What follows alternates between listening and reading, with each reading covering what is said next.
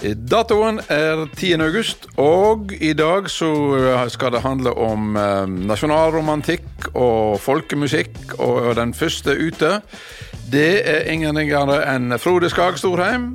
Deretter skal vi møte Berit Oppheim.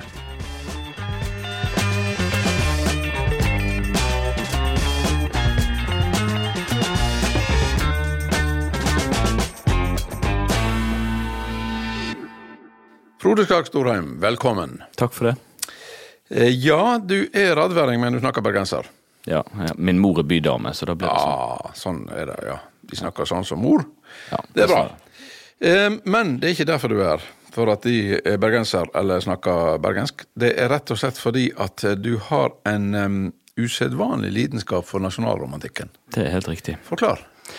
Ja, nei, jeg har lurt på ofte eh, siste årene særlig, hvor begynte det hen, da? For jeg har ikke klart å finne, liksom, finne ut eller komme på noe godt uh, svar, fordi at det er en sånn kollasj av minner. eh, Fra, fra oppveksten. Det kan være sant, min, min mormor som spilte Grieg på kassett til meg, og, og forskjellige bilder eh, og ting vi har sett i barnehagen. Sånn. Men, men det med nasjonalromantikk og den, hele den estetikken, altså kunsten, musikken, arkitektur, ikke minst, eh, er sånn sett er jo Det å komme til Voss noen dager i uken er jo et eventyr. Det er så mye fine sveitser og dragehus her. Um, nei, og da, det, er, det, det har alltid tiltalt meg helt, helt spesielt sterkt, eh, det der. Og, og, ja, og når jeg gikk på videregående, så hadde jeg eh, nasjonalromantikken som eh, særemne i norsk. da. Jeg gikk på vanlig allmennfag, gikk ikke på musikklinje. Og da, så det er noe, og selvfølgelig da inn i pianistutdannelsen, sånn, så har jeg spilt mye Grieg og sånn. og så er det men, men også kunst, hele, hele åndslige det, er jo- det er på en måte en sånn hele romantikk, Det er jo en ny start. Det er jo en sånn en ny, en ny giv, liksom. Og man tilnærmer seg ting med uh, Ja, det, det, det er ikke så mye Jeg skal ikke si at det ikke er intellekt i det, for det, er det jo, men, men det er så mye Det er så mye nysgjerrighet og så mye lekenhet og entusiasme. Altså, Jeg mener, altså, vi har Fleischer rett borti gatene. Altså, du bygger ikke et sånt Altså, det er noe med entusiasmen. Ja. Du bygger ikke et sånt hus, eller et sånt bygg, fordi hvis du tenker på liksom å ha minimalt med vedlikeholdskostnader. Sånn? Så det er liksom Nei, men det er noe med hele den. Eh, Det er noe med entusiasmen og begeistringen Ja. som, som hører til. den. Ting skal være vakre og ikke bare nyttige. Eh, ab- Absolutt. Ja. Det skal være pent å se på. Ja. Ja. Em, vi må videre til For du er jo musikklærer på Voss gymnas. Em, og pianist, som du sier. Men um, du har jo nå fatta ekstra stor interesse for en relativt, vil jeg si, ukjent maler. Alle som har en smule kunstinteresse, og eh, de fleste andre òg, kjenner jo til Isedal. Eller Jesedal, som han da vel egentlig heter. Eh, og eh, disse her andre store, altså Tidemann Gude og hele den pakken der. Men så dukker det altså opp en særdeles sjelden blomst, vil jeg påstå, som heter Hansdal. Stemmer. Født i Granvin. Død i Balestrand. Ja. Eh, men han er jo spesiell på den måten at altså han er jo ca. 70 år yngre enn Isedal. Hvordan henger dette her sammen at han eh, ble fanga av nasjonalromantikken? Altså, for det første så altså, For å bare ta det først, så er jo ikke de to i slekt. Nei. Det er jo bare viktig å poengtere, det er mange som spør om det. Altså, Ise Dahl er jo norsk malerkunstfar. Ja. eh, Og blir, hans talent blir fanget opp i Bergen, han blir sendt til København, ender opp i Dresden. Eh, Og blir jo da og er flere norske malere i den tidlige generasjonen da på 1800-tallet som, som studerer hos han der nede. Um, og så går jo årene, og så du nevnte Tidemann og Gude. Uh, Tidemann er jo den første som reiser til Düsseldorf. 1837 så kommer Gude etter, og så er det flere. Anders Askevold og eh, Bergslien var vel også der nede, og der er mange. sant? Cappelen osv. Um, en hel haug med malere som drar dit. Og um, Hans Dahl, som du sier, han var født nede i, ved Granvinsvatnet i 1849. Og eh, var jo da sønn av en offiser, og var, han, var det han skulle bli. Han begynte på krigsskolen Kristiania i 1867, men gradvis så kaller kunsten på han. Og så drar han da først til Karlsro, hos Hans Gude da, i ett år, og så til Düsseldorf etterpå.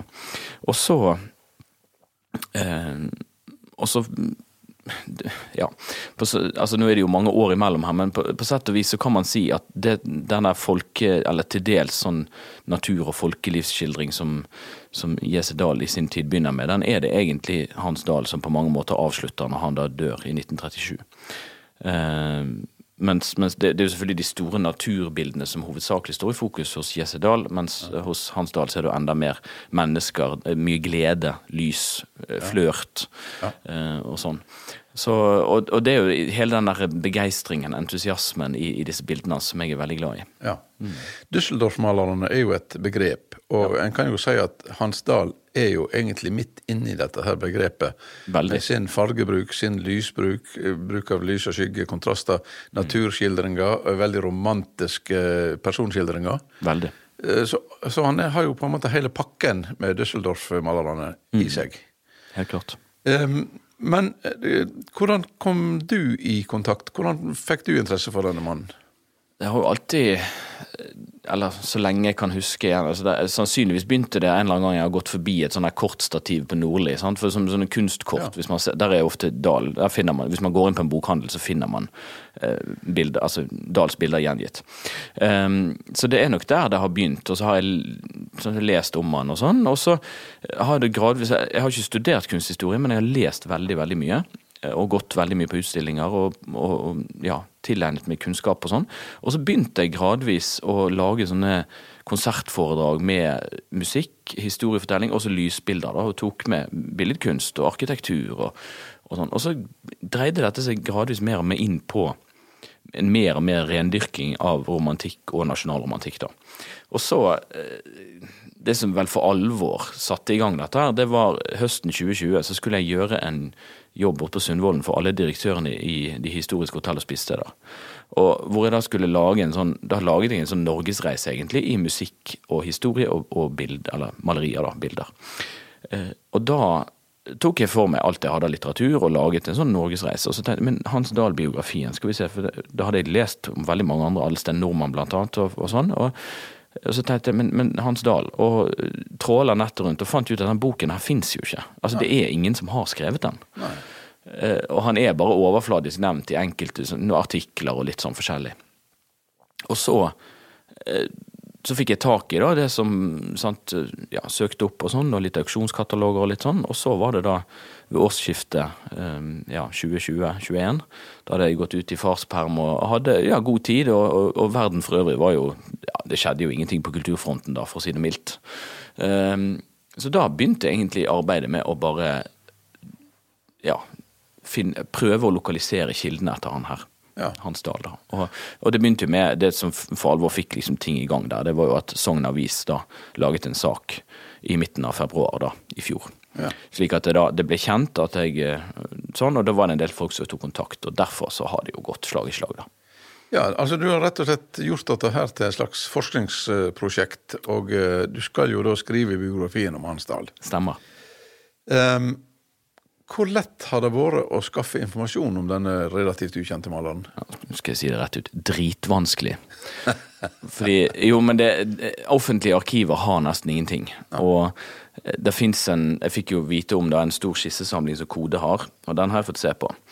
Eh, men ellers så Ja fordi at Dahl ble så kritisert da, for nettopp altså Han levde jo til langt Han døde i 1937, sant? og ja. da hadde kunsten for, langs, for, lengst gått inn i realismens verden, sant? Og, og ikke, ikke, minst ekspresjonisme. Altså øh, og, ja, modernisme Altså, det, det var skjedd helt andre ting. Sant? Og han da med sin nasjonalromantiske billedkrets, som han, eller motivkrets, som han da holdt fast ved hele livet. Ja. Um, den var jo passé, og han ble aldri antatt av Nasjonalgalleriet. Han ble sterkt kritisert her hjemme, men han var kjempepopulær blant publikum. Så, og du kan si de som hadde råd, eh, noen i Norge hadde jo det, kjøpte jo maleriene hans. Ellers var det jo kobberstikk, postkort eh, og, og, oljetrykk, og etter hvert også sånne tefat, som jeg vil tro en del har, med sånne her, disse bunadskledde jentene på, da, eh, jo, var jo en måte som gjorde at Dahl ble et slags allemannseie. Um, men så døde han i 37. Og så i 1958, så etterkommerne hans, da, de solgte villaen hans i Balestrand, Villa Strandheim. Denne praktfulle dragevillaen som står der fortsatt, som man kan jo se på når man drar forbi. Og så å si alt inventar ble auksjonert vekk. Og, og da snakker vi liksom altså lysestaker, møbler, skisser, malerier, brev, foto Altså absolutt alt. Ja. Ble jo Eh, ble jo spredt for alle vinder. Da, så, at, så, jeg har jo heldigvis fått noen oppslag i ja, Sogn Avis, Bergens Tidende, den saken der hjalp jo veldig, da. Ja. Eh, Men du kan si det er jo Det å finne dette er jo er forferdelig vanskelig. Sant? Og hvor skal, du, hvor skal du leite? Sant? Skal du begynne å ringe på til folk 'Hei, har du noe etter Hans Dahl?' Altså, det er jo ja, men, sant? Altså, det går jo ikke. Du vil jo sannsynligvis bli henta av folk i hvite frakker. Ja, på et eller annet tidspunkt så er Nei, nå kommer han der eh, galningen igjen her. Som skal ja, sånn. Så, så det, det går jo ikke. Og så er det jo er det, det har jo vært å liksom kontakte institusjoner altså, Jeg har funnet litt i tyske arkiver. Sant? Der har det ligget noen brev og sånn. Eh, Men, men i det store er det veldig lite. Så man finner litt her, litt der. Et foto. I går ramlet inn et foto fra Ballstrand, blant annet. Og så et, finner man ett maleri, så finner man kanskje to maleri, og så finner man en skissebok, og så finner man to skissebøker, og så blir man helt overstadig si, beruset av glede de gangene man finner et eller annet. Ja. Ja. Og det er jo det som er litt av forskningens vesen, at eh, jo vanskeligere det som er interessant.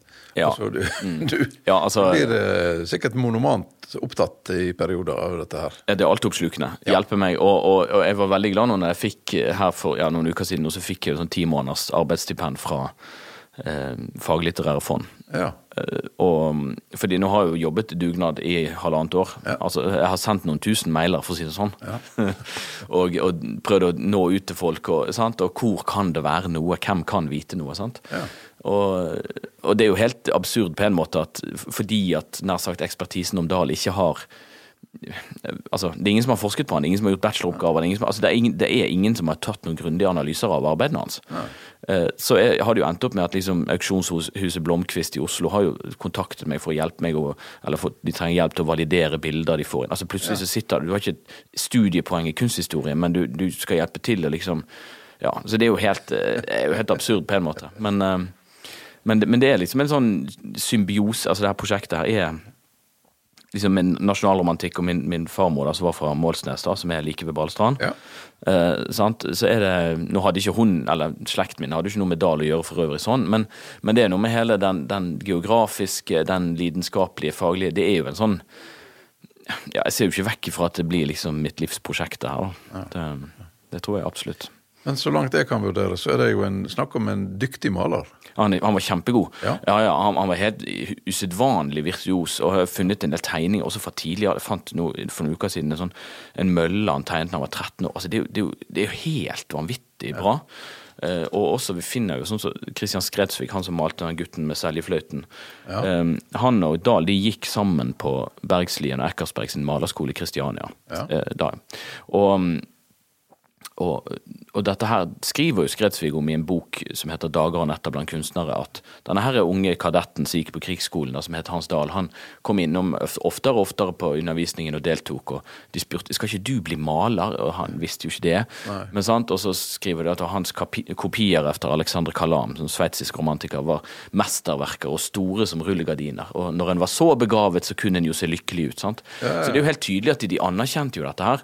Men så havnet han jo da på Fram mot 1900-tallet så, så blir jo kunsten, altså impresjonismen kommer, det blir denne romantiske skal vi si, retningen, den forlates jo mer og mer eh, blant motekunstnere. da. Eh, Men så, mens Dahl holder jo fast ved dette her og blir jo kjempepopulær. og Keiser Wilhelm kommer jo på er gjest på disse hagefestene hans. Så, Ja. så der har, det har jo fått, har fått oversendt foto fra keiser Wilhelm sine private fotoalbum. Så, så det, kan si, jeg tror kultur, kulturhistorisk så vil dette bli en fryktelig interessant bok, for det vil komme ut en del ting som aldri har vært på trykk før. Ja. Har du, har du, altså Han døde i 37, men ehm, Og det betyr jo at det faktisk kan tenkes at det er folk som levde som var barn på den tida. Har du vært i kontakt med noen som Ja. faktisk eh, opplevde han? Ja, altså Ja. Jeg har noen som sier de husker han, og noen som mener at de husker han. Ja. Eller om de bare er blitt fortalt, som de sier. At eh, det er klart, eh, dette her burde jo vært tatt i For noen år siden. Hadde, bare bare fem til ti år siden hadde hjulpet. Og, men selvfølgelig, det aller beste hadde vært om noen tok dette her på 80- eller 90-tallet, mens mange fortsatt husket keisertiden. Eh, Så det blir jo Man må jo leve litt sånn på overførte sånn anekdotiske ting og sånn. Og de gangene jeg har funnet nedtegnede Altså, jeg har vært litt sånn Alt er interessant. Alt er til hjelp.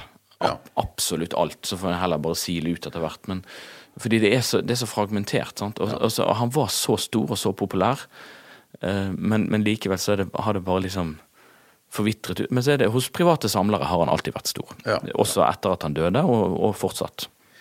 Eh, når skal denne biografien ut? Jeg håper jo at den Altså i den beste av alle verdener så kan folk kjøpe den til jul eh, i 2024. Ja. Eh, forutsatt at alt arbeid går som planlagt. Hvis ikke så blir det utpå våren 2025. Det, Ja. det Men dette her er et arbeid du skal gjøre parallelt med det å uh, musisere sjøl, og eh, kanskje undervise litt òg? Ja da, jeg har ikke tenkt å gi meg her bort på, på Voss med det første. Og, um, og iallfall ikke nå når vi har, hadde det så gøy med musikalen og vi har fått lov å Ja.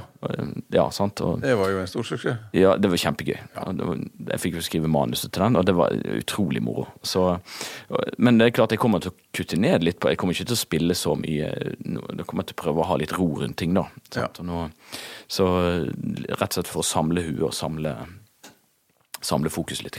Men, eh, men det kommer jo til å spille masse, selvfølgelig. Og, og undervise og ja. Og, Jeg kan i alle fall ikke si noe annet enn lykke til med takk, arbeidet. takk for det. Takk for det. Og så får du ha en riktig god sommer når du skal til Storheim. Takk. Ja. takk for at jeg fikk komme.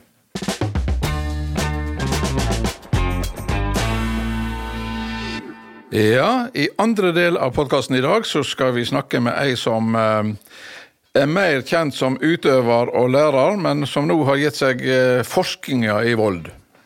Berit Oppheim, hjertelig velkommen. Tusen takk. Etter så mange år som eh, en av våre aller fremste kveere og sangere, med en folkekjærlighet for eh, folketoner og tidlig musikk, og som underviser på Ole Bull-akademiet, på Grieg-akademiet, på Musikkhøgskolen, så har du nå kasta deg over et helt spesielt tema. Fortell. Ja, det er jo det samme temaet som jeg har vært opptatt av i 30 år, og mer enn det, da. Det er folkesangen, eh, spesielt her på Voss. Og um, i 95 var det vel, så ble jeg ferdig med ei bok som heter 'Solen i sela', som er et utvalg av folketoner fra Voss, som da hadde bare lagt, ikke bare, men som lå i arkivet, lydarkiv, på Arne Bjørndals samling og Norsk folkemusikksamling. Og så eh, transkriberte jeg da over 90 sanger derifra, og gav ut i denne boka. Og så skrev jeg eh, biografier om kjeldene og sangtekstene. Og småkverende tegner og tegninger som er i den boka. Og dette var jo da ja, 95, så det er lenge siden. Ja. Men i alle disse årene så har jeg jo drevet og hørt på arkivopptak og sett på notenedskrifter, gamle notenedskrifter. Men eh, når eh, jeg, har vært, jeg har vært veldig aktiv som utøver og innen flere felt, så det har ikke vært mye tid til sånn fordypning, sånn som med da bokarbeidet, da. Så for noen år siden så tenkte jeg at nå, hvis jeg skal få gjort det som jeg har hatt lyst til i alle år, som er min store drøm, da, så må jeg prioritere det. For det kommer ikke av seg sjøl at det åpner seg opp en sånn eh, både økonomisk og jobbmessig mulighet. Så da søkte jeg penger til å få et, et stort prosjekt da, som jeg kaller for Vossasonger. Som da er planen at alt som er av folketoner fra Voss, som er rundt 400 har jeg kommet fram til, skal gjeves ut i ei dokumentarisk utgjeving. Og da kommer det ikke noter, det har ikke kapasitet til nå, men all lyd og alle tekstene og biografier om alle kjeldene og artikler om folkesangen på Voss. Korte drag, så er det sånn. Ja.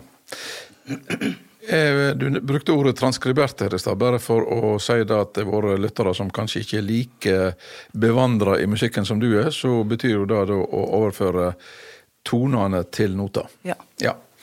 Um, hva tenkte du når du oppdaga at det finnes rundt 400 folketoner på Voss? Ja, det er jo helt enormt mye. Jeg eh, visste om kanskje Ja Jeg tenkte kanskje sånn 250. Det er jo mye da òg. Det er òg mye. Men så Angunn Sønnesyn Olsen, som er kjempedyktig både sanger og forsker, hun eh, viste meg, eller hun visste om at det lå mer etter Olav Sande, som var for 100 år siden cirka, da, reiste rundt mye på Vestlandet spesielt, og samla inn eh, folketoner, musikk, folkeminne. Han var fra Sogn, fra Leikanger, og lærer Um, og så har jo jeg hatt dette her eh, materialet etter han i over 30 år. Trodde jeg. Jeg trodde jeg hadde alt. Men det hadde jeg absolutt ikke. For disse håndskrevne som ikke da var utgitt, for han gav ut sjøl um, noe av det. Så når jeg da fikk via Angunn um, ble, ble, kjent med resten, så var jo det enorme mengder. Ja. Så derfor så kom jeg opp i rundt 400. Ja. Og dette er jo da som sagt gamle notindeskrifter som var lagt i ca. 100 år på norsk eh, på Nasjonalbiblioteket. Og eh, det er jo da sånn at først må jeg eh, Sitter jeg med pianoet, og så spiller jeg disse melodiene. Og så synger jeg dem selvsagt etter hvert, og så prøver jeg å lage en form på det, sånn at det høres ut vetig ut innenfor den stilen som jeg holder på med. Ja. Og for veldig mye av det så må jeg finne tekster, for han har skrevet ned kun ett tekstvers. Sånn som på religiøse folketoner, ballader og viser og forskjellig sånt, ja. som ikke bare er sånne korte sanger. Så er det, er det ganske mye arbeid å finne tekster. Men når jeg da har f.eks. restituert en ballade som ikke vi visste vi hadde her på Voss, og har funnet en tekstversjon som passer til melodien, og òg tekstene kan passe inn i vår, vårt område, så er jeg overlykkelig. ja. Skulle ikke forundre meg. Men, men, eh, er dette her Snakker du nå om 400 originale toner, eller er det varianter av varianter? Ja, det er varianter òg. Ja. Absolutt. For eksempel sånn som badnasonger som røven satt i setet, så det finnes mye av. Det kan jo kanskje være ti av den, da. Akkurat. Men det er jo absolutt mye av det så bare én av hver. Ja. ja. Men eh, så nevnte du ballade her i stad. Det er jo eh, Det knytter en gjerne til middelalderen. Mm. Eh, hvor langt tilbake veit du at noen av disse her melodiene Hvor langt tilbake går de egentlig? Har du eh, I nasjonalsammenheng? Ja. Nei, det heter jo middelalderballade, og de lærde strides vel litt. Men eh, jeg vet jo at Velle Espeland, en forsker innenfor dette området, har sagt at han var tvilsom til at det var så gammelt pga. at språket endra seg. sant? Ja. For at vi gikk jo ifra høgnorsk, ja. ikke det det heter, og til vår mer moderne, og etter ja. svartedauden og alt dette her med endring i språket. Men eh, Så han syns det er rart at det da språket har blitt tatt med inn den, i den, vår moderne norsk ja. med samme melodiene. Men dette er jo det som han tenker og ja. syns og forsker på. Men det heter jo fremdeles middelalderballader, og det er jo seinmiddelalderen da her ja. i Norden. Men det er et felles nordisk repertoar. Akkurat. Som eh, Vi kan finne samme eh, balladen i Sverige og Danmark som vi har her på Voss. Ja. Og jeg kan òg finne den i Skottland og i Frankrike, Tyskland. Sant? Så altså på 600-tallet så kom det jo eh, visebøker fra kontinentet opp til Norden, og de spredde seg. Og det er mye av eh, grunnen til at vi har dette materialet nå. Rett og, slett, rett og slett et europeisk fellesgods? Ja, nordeuropeisk. Ja, ja. Og nordisk spesielt. Eh, Gunsten Lakselberg han sier jo at eh, i dag så ville vi knapt ha forstått en vossing på 1300-tallet. Mm. Som du sier, språket har endra seg såpass eh, radikalt, egentlig, at eh, det er vel kanskje grunn til å holde med Espeland litt der at det er kanskje ikke så gammelt som, som da, iallfall. Nei, det er ikke godt å vite. Nei, det er ikke godt å vite. Og det er klart at uansett, altså er det så gammelt, så vil jo språket uansett ha endra seg. Mm. Gradvis, sånn at folk vil jo ha brukt de nye ordene etter Ja, og så, sant, når dette ikke på noe vis har vært nedskrevet før på 1800-tallet, så er det klart at ting kan endre seg veldig. Ja, Og det går jo på hukommelse, da. Ja. Men eh, samler du disse her da i eh, de ulike Altså samler du liksom i barnesanger, i mm. Eh, religiøse folketoner, i ballader osv.? Det er planen, ja. ja. Og da, eh, i utgivinga, da, som det fysiske, så er planen å ha én CD per eh, sjanger. Ja. Og, men da, i boka så, så, gjør jeg det på lik, likt vis, da. At det skal være et system på det. Ser du for deg hvor mange CD-er dette her kan bli? Ja, Vi snakker vel om seks, da, for dette, da er det religiøs folktoner på én, badnersanger, Bånsulla på én, Slott og slåttestev på én, eh, middelalderballade, eller ballade og vise, ja, på én, det er fem, nei, fire. Og så er det en med arkivopptak, det er viktig. Ja. For det fins jo eh, gode arkivopptak med eldre kjelder ifra Voss. Og noen av de sang jo veldig godt. Ja. Og de har jeg jo veldig lyst til at skal, folk skal høre. Sånn at da eh, Jeg har snakka med Arne Bjørndal-samlingen om å fr- frigjeve det, og så må jeg selvsagt snakke med etterkommerne at det er greit for dem. Så der kommer det jo kanskje sånn rundt 70 enkelt, altså enkeltvis sanger, da. Med, med Nå husker jeg ikke i farten hvor mange kjelder jeg hadde plukka ut, men en, en god del. Ja. Og for eksempel en sånn kjelde som Anders Jordalen er jo veldig spesiell. For at han sang eh, stort sett bare religiøse folketoner. Og han eh, bodde jo oppe i Jordalen da veldig lenge før de flyttet til Selland på, på Strandet. Og han var føresanger i kirka på Oppheim, og han vokste opp med husmøte, sånn som vi kjenner til flere som hadde en sånn sterk eh, salmetradisjon. Og han synger jo med skeiv tonalitet, han synger med forsiringer, som er spesielt eh, sterkt da, innenfor den tradisjonen her. Så den, da har jeg veldig lyst til å ut. Kyrkje, kyrkjesangere er jo et uh, eget fenomen, holdt Det, jeg på å si. det er det. Ja. Eh, og denne tonaliteten som du snakker om, den er jo eh, nokså spesiell for folkemusikk egentlig i alle land, vel? Altså Ja. det her med mikrotonalitet og, og kvarttoner og så du sier skeiv eh, tonalitet. Ja. Eh, så det er jo et eh, helt enestående arbeid du nå er i gang med, egentlig, å samle dette her og få gitt det ut. Eh, og da snakker vi om utgiving i fysisk format, altså på CD. Ei, ja, ei bok, og så tilhørende CD-er. Ja. Og så selvfølgelig kommer lyden òg på, på digitalt, så Ja. folk trenger ikke kjøpe CD-ene hvis ikke de er interessert i å ha det fysisk. Nei. Men eh, så dette her blir en eh, det som vi i gamle dager kalte en CD-boks. Ja. med bok, altså. Ja, men det er to separate Ja. har vi kommet fram til. Sen vi i vår tid er- selger så ekstremt lite CD-er. Ja. Ja. Eh, har du noen slags eh, visjon om når dette her arbeidet skal være ferdig? At du skal være ferdig med å synge inn alle disse 400, og at det skal bli utgitt? ja, jeg håpte jo nå at jeg skulle være ferdig med å synge inn, men det er jeg ikke. Nei. Men eh, jeg har fremdeles en visjon om eh, 2023. Ja. Jeg håper Hvor mange har du igjen? Jeg har sunget inn ca. 180, Ja. og så kommer jo da disse her arkivopptakene på toppen da, så det er kanskje opp i 250. Så da ja. 150 igjen, da? ja, sant? ja. Men jeg har gjort eh, de største arbeidene. Ja. Dette her med å få veldig mye av det litt tyngre stoffet, eller det som krever mye arbeid, eh, ut, opp ifra disse notene. Og òg Arne Bjørndal skrev jo ned mye eh, slåtter og slåttestev. Og jeg, der er det òg en del ting som jeg har visst om i mange år og ikke gjort noe med. Så nå når jeg da for et par år siden fikk tak i disse notenedskriftene fra Arne Bjørndals samling, da, så er det altså kort Slåttestev er jo veldig korte, små Ja. tekster som er knytt til ofte starten på en feleslått. Og så eh, må en jo da selvfølgelig lære seg slåtten for å skjønne hvordan dette her skal henge i hop, teksten og musikken.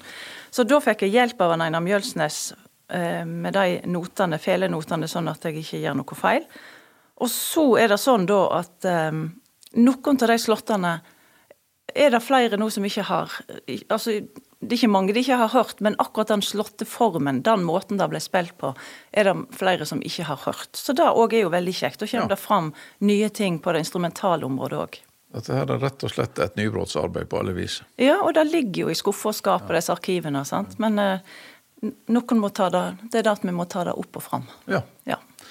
Men uh, det gjør seg jo ikke sjøl, dette arbeidet, og du kan jo ikke gjøre alt på dugnad. Nå sier du at du har fått litt penger her og der, men likevel så er det vel uh, De bruker ofte begrepet fullfinansiert når de snakker om uh, kostesame ting. Hvordan er det med deg? Jeg har vært heldig for at jeg har fått to år arbeidsstipend fra Norsk kulturråd. Altså Statens kunstnerstipend. Det har jeg nå i år. Ja. Eh, og det er jo eh, regner de vel som en ca. Halv, halv stilling. Så det hjelper jo veldig. Så i høst skal jeg stort sett bare gjøre dette her. Men, Ja. da, men beskjeden Altså, vi får svar på søknaden såpass seint på året. Så hadde jeg fått svar før, så hadde jeg kanskje sagt nei til flere konserter, sånn at jeg hadde hatt mer åpning.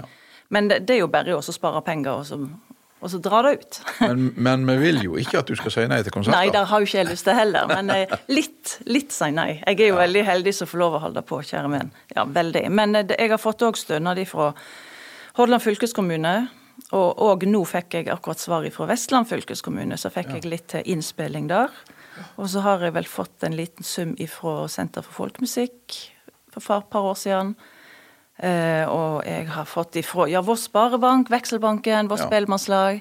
Ole Bullakmye har jo støtta litt grann i den eh, stillingen Ja. som jeg har hatt, da. En skulle jo kanskje tenke at det var naturlig at institusjonene som jobber med folkemusikk, var interessert i å støtte dette her Ja da. ekstra. Ja da. Ja. Og da er det jo eh, eh, Ja. Det er jo det. Ja. Ja, du sier eh, målet er jo at du skal være ferdig eh, 23. Eh, Betyr det at eh, vi kan ønske oss dette her til juli eh, neste år? Ja, da hadde vært kjekt om de gjorde. Ja. Det, jeg har allerede sett meg på liste, så eh, Ja, det er bra. Det er jo, jeg håper jo at det skal vette et sånt oppslagsverk som jeg har savna sjøl i alle år. Og at hvis noen lurer på et eller annet, en eller annen type sang, så er det bare å slå opp, og så finner de noe de liker, og så kan de høre, og så lære seg. Og det er jo alle, altså det er jo for alle. Rett og slett for absolutt alle. Og dette her er også, ypperlig til bruk for lærere hvis de vil ta det med inn i skolen til elevene. Visste det det? Ja, rett og slett. Og det geniale er jo at hvis du ikke blir ferdig til jul, så kan du lage gavekort. Ja, det er sant. folk- ja. Godt tips. ja. Så kan de få det på nyåret en gang når det da er Ja, klart. ja. Veldig bra. Dette har jeg ikke spurt deg om, men har du en liten sang som du kan ta på direkten? Oh, ja, det har ikke jeg tenkt på. Nei. Men eh, det kan jeg sikkert. Jeg kan jo ta en sånn liten kuriositet, da. For da at du veit jo at han eh, Gunnar Dagestad, Ja.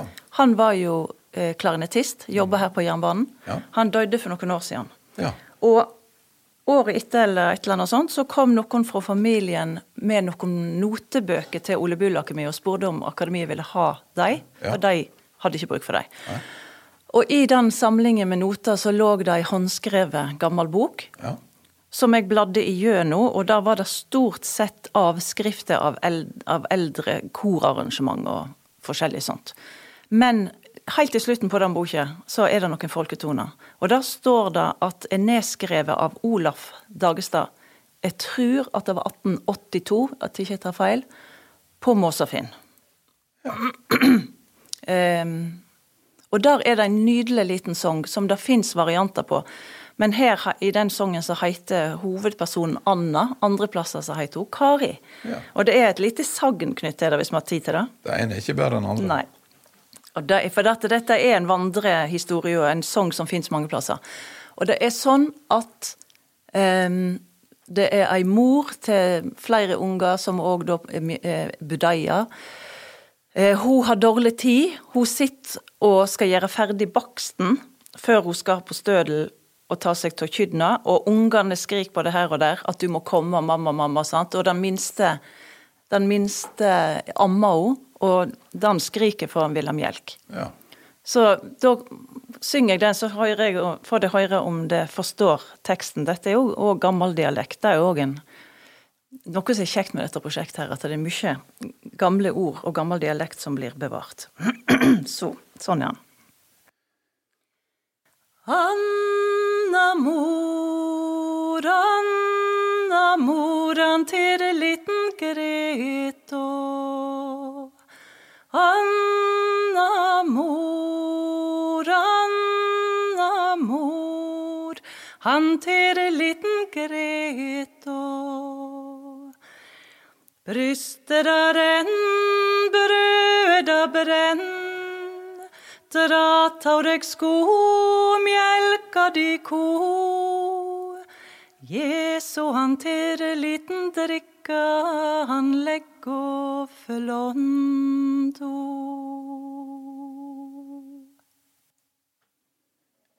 Berit Oppheim, hjertelig tusen takk.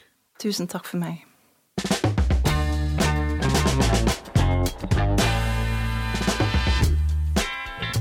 Den første av to podkastepisoder i august er til ende, men eh, gled dykk. Eh, Om 14 dager så er vi tilbake med en hel heil halv time med Countryfestivalen.